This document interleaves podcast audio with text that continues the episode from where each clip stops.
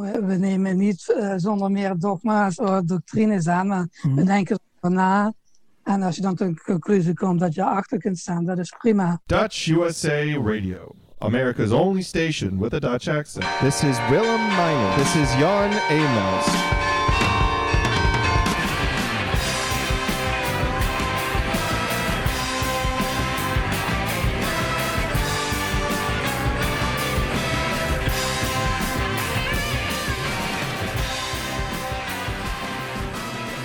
Dag allemaal, dit is Jan Emaus vanuit Hilversum. En uh, op, op, het moment dat je hier naar luistert, weet je het al lang. Maar uh, op het moment dat ik hier zit en deze woorden uitspreek, is het nog vers. Nederland heeft verloren van Tsjechië. En uh, Willem Meiners in Maine in Amerika, die zit dit alles te verwerken. Hè? Jan, ik heb mijn oranje shirt aangehouden uit solidariteit. uh, 6000 kilometer van jou vandaan. Ja. Uh, dit zijn de dagen waarop wij emigranten elkaar het hardste nodig hebben. om um, zulke tegenslagen te overkomen. Maar dat doen we al sinds jaren en dag en manmoedig en uh, met succes. Ik stel je voor aan um, onze gast van vandaag, uh, Ron uit Geleen. En uh, uh, uh, toevoegen, priester Ron uit Geleen. Ron, in, je woont in Missouri, in een land waar niemand een zachte G heeft. Hoe spreken ze waar jij woont jouw naam uit? Dat, is een, dat is een goeie. Ja. De naam Ron, dat is nog niet zo'n probleem. Maar mijn achternaam, dat is normaal een probleem. Uh, dan, dan moet ik ze zeggen van, what, what is it? They say Galen or Galen. So, meestal zeggen zeg maar gewoon Galen. Ron Galen. Ja, en, um, anders weten ze het niet. In Fulton, right? Fulton, inderdaad. Het leuke verhaal van, uh, het bijzondere verhaal van Ron is, nou in de eerste plaats, het is onze eerste keer dat we een, uh, geestelijke aan, aan de lijn krijgen geëmigreerd en al. Uh, Ron gaat toevallig zijn eigen verhaal uh, daarover doen. Um, maar ik, ik, ik, zie soms uh, een fotootje van Ron op Facebook. En um, het eerste wat ik denk is, um, dat is pastoor Ron. Nee, ik was geen katholiek priester, maar ik, ik, heb zeg maar wel cursus gedaan met katholiek seminarie. Maar toen dacht ik, dat is toch niet echt iets voor mij. Dus toen ben ik geswitcht naar de opleiding van de vrijzinnige protestanten dat is in Beeldhoven. En later was, ehm, want dat had een verbinding met uh, de hogeschool in Holland en Amstelveen. Dus uh, dat is de opleiding die ik uiteindelijk heb gedaan. Je wordt dan wel opgeleid, zeg maar, voor uh, pastoraal werk of geestelijk verzorger, zoals je het wil noemen. En later pas in Amerika, toen ik gewijd was, kwam dat, kwam dat tweede traject eigenlijk. Wat zorgde ervoor, Ron, dat jij die switch maakte van, uh, uh, van, van het katholieke aspect naar het uh, vrijzinnig protestantisme? eerlijk gezegd, ik was altijd, ik, ik, ben van geboorte zeg maar katholiek en rooms-katholieke familie, maar mijn ouders waren altijd meer, toch een beetje meer progressief dan, dan zeg maar de katholieken. De katholieken in mijn tijd waren niet zo heel, heel orthodox, hè. het was een beetje de middenweg zeg maar. En ja. ik hou wel van die middenweg. En, maar later werd het natuurlijk veel, uh, veel conservatiever. En dat, ja, dat, dat, stoot, ja, dat stootte me toch wel af eigenlijk.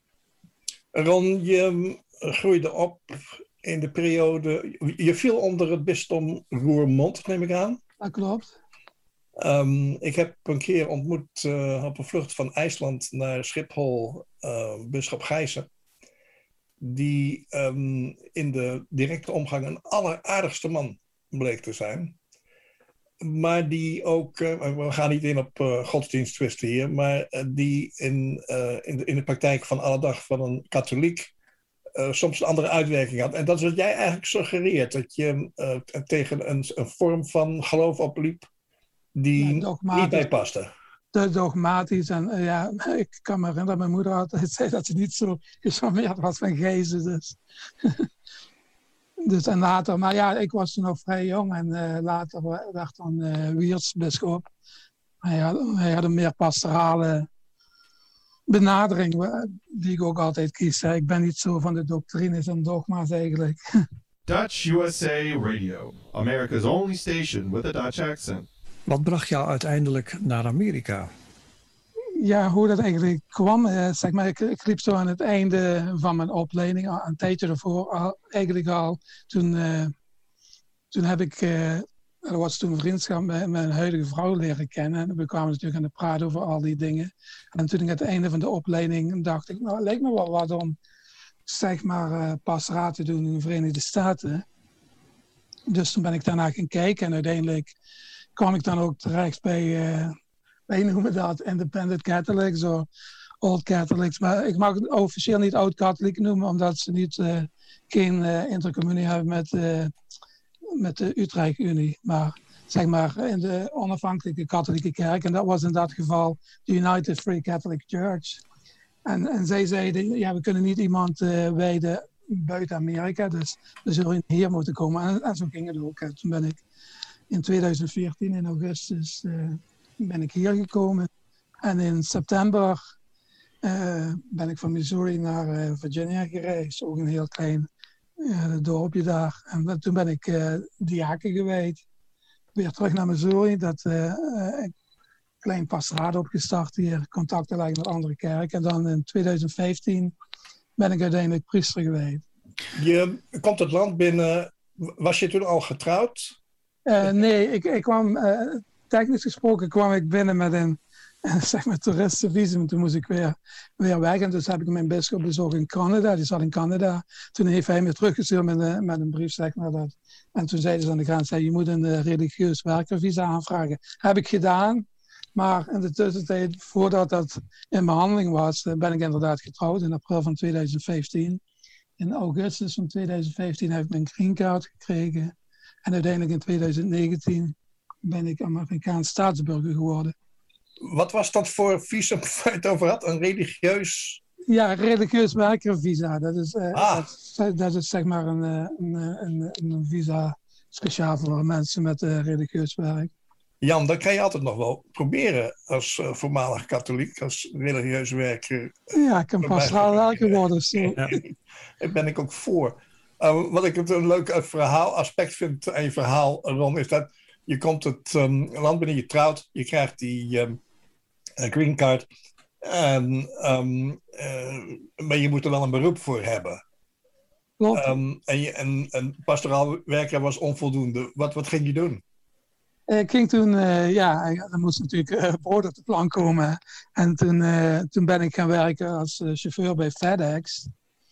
Dat heb ik gedaan van 2015, laat me even denken, oktober 2015. Het weekend nadat ik weet was als priester begon ik bij FedEx. En dat heb ik gedaan tot 2017. Toen kreeg ik een uh, rugblessure door het werk. En toen ben ik daar wel nog gebleven tot april 2018. Maar toen moest ik dan werken, want ze hadden geen ander werk, zeg maar. Wisten, zo... wisten je collega's, wisten je klanten um, dat jij, ik neem aan dat je rondreed zonder boordje, Nee, niet met boordje, FedEx kostuum, hè. uh, nou, de klanten in de regel niet, maar uh, sommige collega's natuurlijk wel. en uh, ja, ze vonden het vrij normaal. En we gingen ook gewoon normaal met elkaar rond, zoals dat altijd gaat in dit soort bedrijven ook. Hè. Je krijgt een blessure, dus je moet ophouden met chaufferen. Wat ging je daarna ja. doen? Ja, klopt. Toen, toen ben ik wel een tijd waar ik dood geweest, eerlijk gezegd. Want ik had, ik had natuurlijk mijn bachelor's degree in theology van, uh, in Holland. En uh, ja, mijn docenten toen zeiden van, oh, dat wordt in Amerika ook geaccepteerd. Maar dat was niet zo makkelijk, want ze moeten dan weer precies weten wat, wat, houdt het diploma in, in, in verhouding met de Amerikaanse zeg maar, diploma's. En dus ben ik via via ben ik bij, bij, zeg bij een bedrijf terechtgekomen die, de, die dus werkte met erkenning van diploma's. En die hebben dat onderzocht en kreeg ik een brief van het is vergelijkbaar met zeg maar, zeg maar eens even Master in Divinity of, of whatever. En uh, uiteindelijk ben ik dan uh, met dat diploma ben ik, uh, aangenomen bij de staat van Missouri als case manager of support coördinator. En nou, nu is het de sociaal service specialist voor mensen met een verstandelijke handicap. Dutch USA Radio. We love you, Dutch as you are. Als ik uh, jouw verhaal hoor, dan ben je bepaald niet iemand die de makkelijkste weg kiest. Past dat bij je karakter?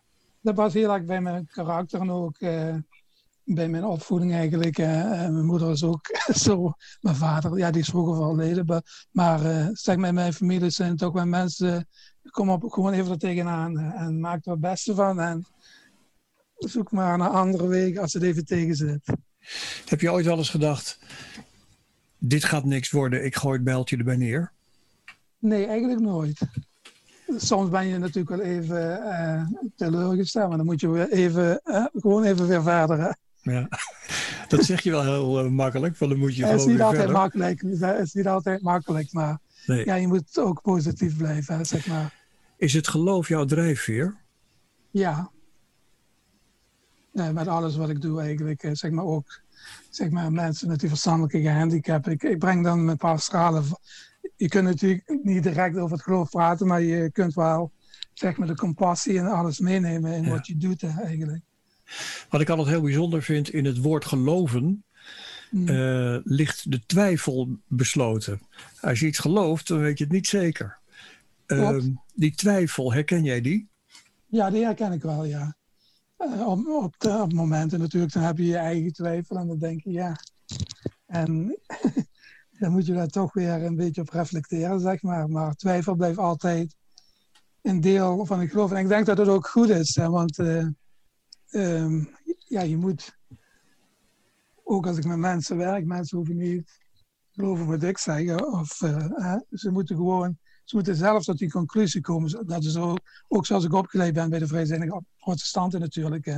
Vrijzinnigen zeggen van, we, we nemen niet eh, zonder meer dogma's of doctrines aan, maar we Mhm. denken erover na. En als je dan tot de conclusie komt dat je achter kunt staan, dat is prima. Maar ik vind ook dat mensen zelf moeten nadenken. Ik doe dat ook als sommige mensen, eh, ik ben niet bijvoorbeeld met Anglikanen, maar ik ben natuurlijk ook niet overal mee eens. En ik, ik ga gewoon mijn eigen weg dan. Ja. Jij hebt kennelijk in Amerika je definitieve plek gevonden. Mhm. Eh, hoe komt dat? Ehm, het is, is een beetje ook hier in Amerika is. eh, ik denk dat je iets meer vrijheid hebt ook eh, dan in Nederland, zeg maar. het, is- is makkelijker, zeg maar, als je, als je hier een, een missie wil oprichten of een kerk, dan, dan, dan doe je dat bij de staat en dat kost je geloof ik 20, 20 dollar. En dan, dan, ben je, dan kun je doen wat je wil. Hè? En je, je kunt ook huwelijken doen en alles. Ook eh, ehm, wettelijke huwelijken. maar eh, ik denk dat het hier gewoon een beetje makkelijker is. En een ander ding is natuurlijk, in Nederland ben je katholiek of protestant, maar hier heb je natuurlijk honderden verschillende denominaties waar je, waar je terecht kunt. Hè. Ik heb er wel een paar al gehad, zeg maar de United Free Catholic Church, later de Catholic Church of the Americas. En toen ben ik nog een tijdje geweest met een eh, gemeenschap, was de Community of St. John, en dan kwam ik bij de Anglikanen. Dus je hebt hier genoeg keuze als als je verder wil en je, je, wordt, je komt niet verder in je, wat je wilt doen natuurlijk. Ja. Ron, je bent ehm, relatief kort emigrant, zeven jaar. Klopt, Ehm, dat betekent dat herinneringen aan je leven in Geleen eh, vers zijn. Je was getrouwd, je had kinderen. Klopt. Die, ehm, die geschiedenis eh, ligt daar nog, die leeft daar nog. Klopt. Ehm, daar kijk je van, eh, nou ja, letterlijk grote afstand eh, naar. Klopt. Ehm, dat moet nu en dan ook emotionele effecten op je hebben. Of heb ik dat mis? Nee, dat klopt. Dat is helemaal correct. Want dat, dat, is, dat is ook het moeilijkste aspect meteen van het geheel. Eh, waar die twijfel dan in kwam, waar we eerder over spraken. Dan, dan eh, ehm, ja, je hebt je kinderen daar. Dat is, en je hebt je relaties daar, je familie. Mijn moeder, mijn moeder is 88, dus eh, ze is op leeftijd. En, en natuurlijk sp- speciaal. Normaal ga ik ieder jaar terug en meestal is dat met het carnaval. En dan vier ik carnaval met mijn kinderen en zit in een huisje en dat soort dingen. En voor de rest is het natuurlijk met technologie, zeg maar WhatsApp en zeg maar Zoom en al die dingen. Hè. Maar dat, dat is ingewikkeld, speciaal als, als er speciale gelegenheden zijn. hè. Eh, Ik bedoel, uh, niet alleen verjaardagen, kinderen die de communie doen, of die van school veranderen, of, of die uh, een diploma krijgen. Mijn oudste dochter bijvoorbeeld uh, zit al in het middelbaar onderwijs. En zeg maar, of de middelbare school, zeg maar, daar is ze voor geslagen. En dan gaat ze verder naar de volgende opleiding. Dat heb ik natuurlijk gemist, dat was ik niet daar. Hè. Dus dat is wel heel moeilijk, ja. Um, je hebt um, familie en vrienden achtergelaten in Limburg. Klopt. Um, hoe in doorsnee hebben die gereageerd na verloop van tijd? Uh, heb, is het contact hetzelfde gebleven? Of uh, is er een afstand gegroeid? Uh, in het begin was er een afstand, omdat mensen, ja, het is ook moeilijk te begrijpen dat ik mijn kinderen achterliet en al dat soort dingen. En die familie achterliet en niet wist wat je hier zou tegenkomen. En ze dachten waarschijnlijk, dat heb ik ook al gehoord, dat ze oh, die is wel terug binnen een paar maanden. dat gebeurde dus niet. Maar, na verloop van tijd zijn de mensen er wel aan gewend en zijn de relaties eigenlijk, eigenlijk hetzelfde als ze waren. Ik stel mij voor dat die uh, emoties waar je het net over had, ja. Um, dat daarbij jouw besef van geloof heel sterk heeft geholpen. Ja, daar heeft het uh, met name heel sterk geholpen, ja. Want dat was natuurlijk... Uh, ja, je voelde je dan toch... Ik had natuurlijk heel wat mensen, maar je voelde je toch een beetje alleen. Maar, maar ik bedoel, dat, dat, na verloop van tijd is het hersteld eigenlijk. dus...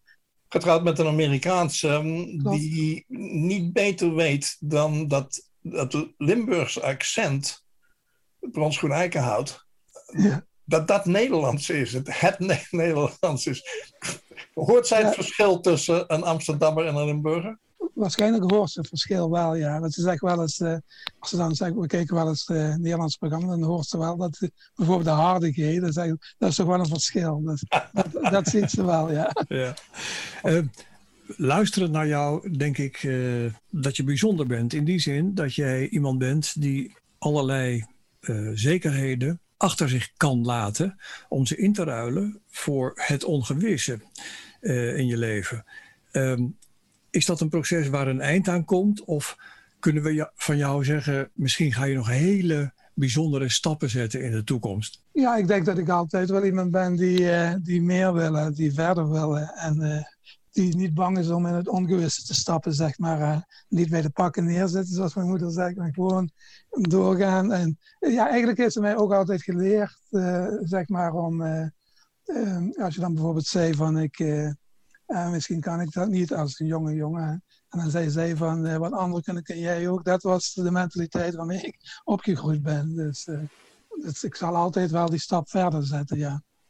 Ja, en ik denk ook, uh, Ron, dat um, je, je, je kinderen, uh, die dat ook niet makkelijk hebben gevonden, dat vader naar Amerika vertrok, dat die um, daar ook wel weer een voorbeeld aan gaan nemen. Dat vader zich uh, zo opstelt in het leven en een voorbeeldfunctie vervult van je kan het. Het, is, het blijft dicht bij jezelf. Doe het. Ja. Geloven is vooral ook heel erg geloven in jezelf ja, dat zeg ik ook altijd tegen hen, dat ze alles kunnen wat ze willen. En ik zie dat ook, dat ze, dat ze doorzetten en zelfs als het moeilijk is.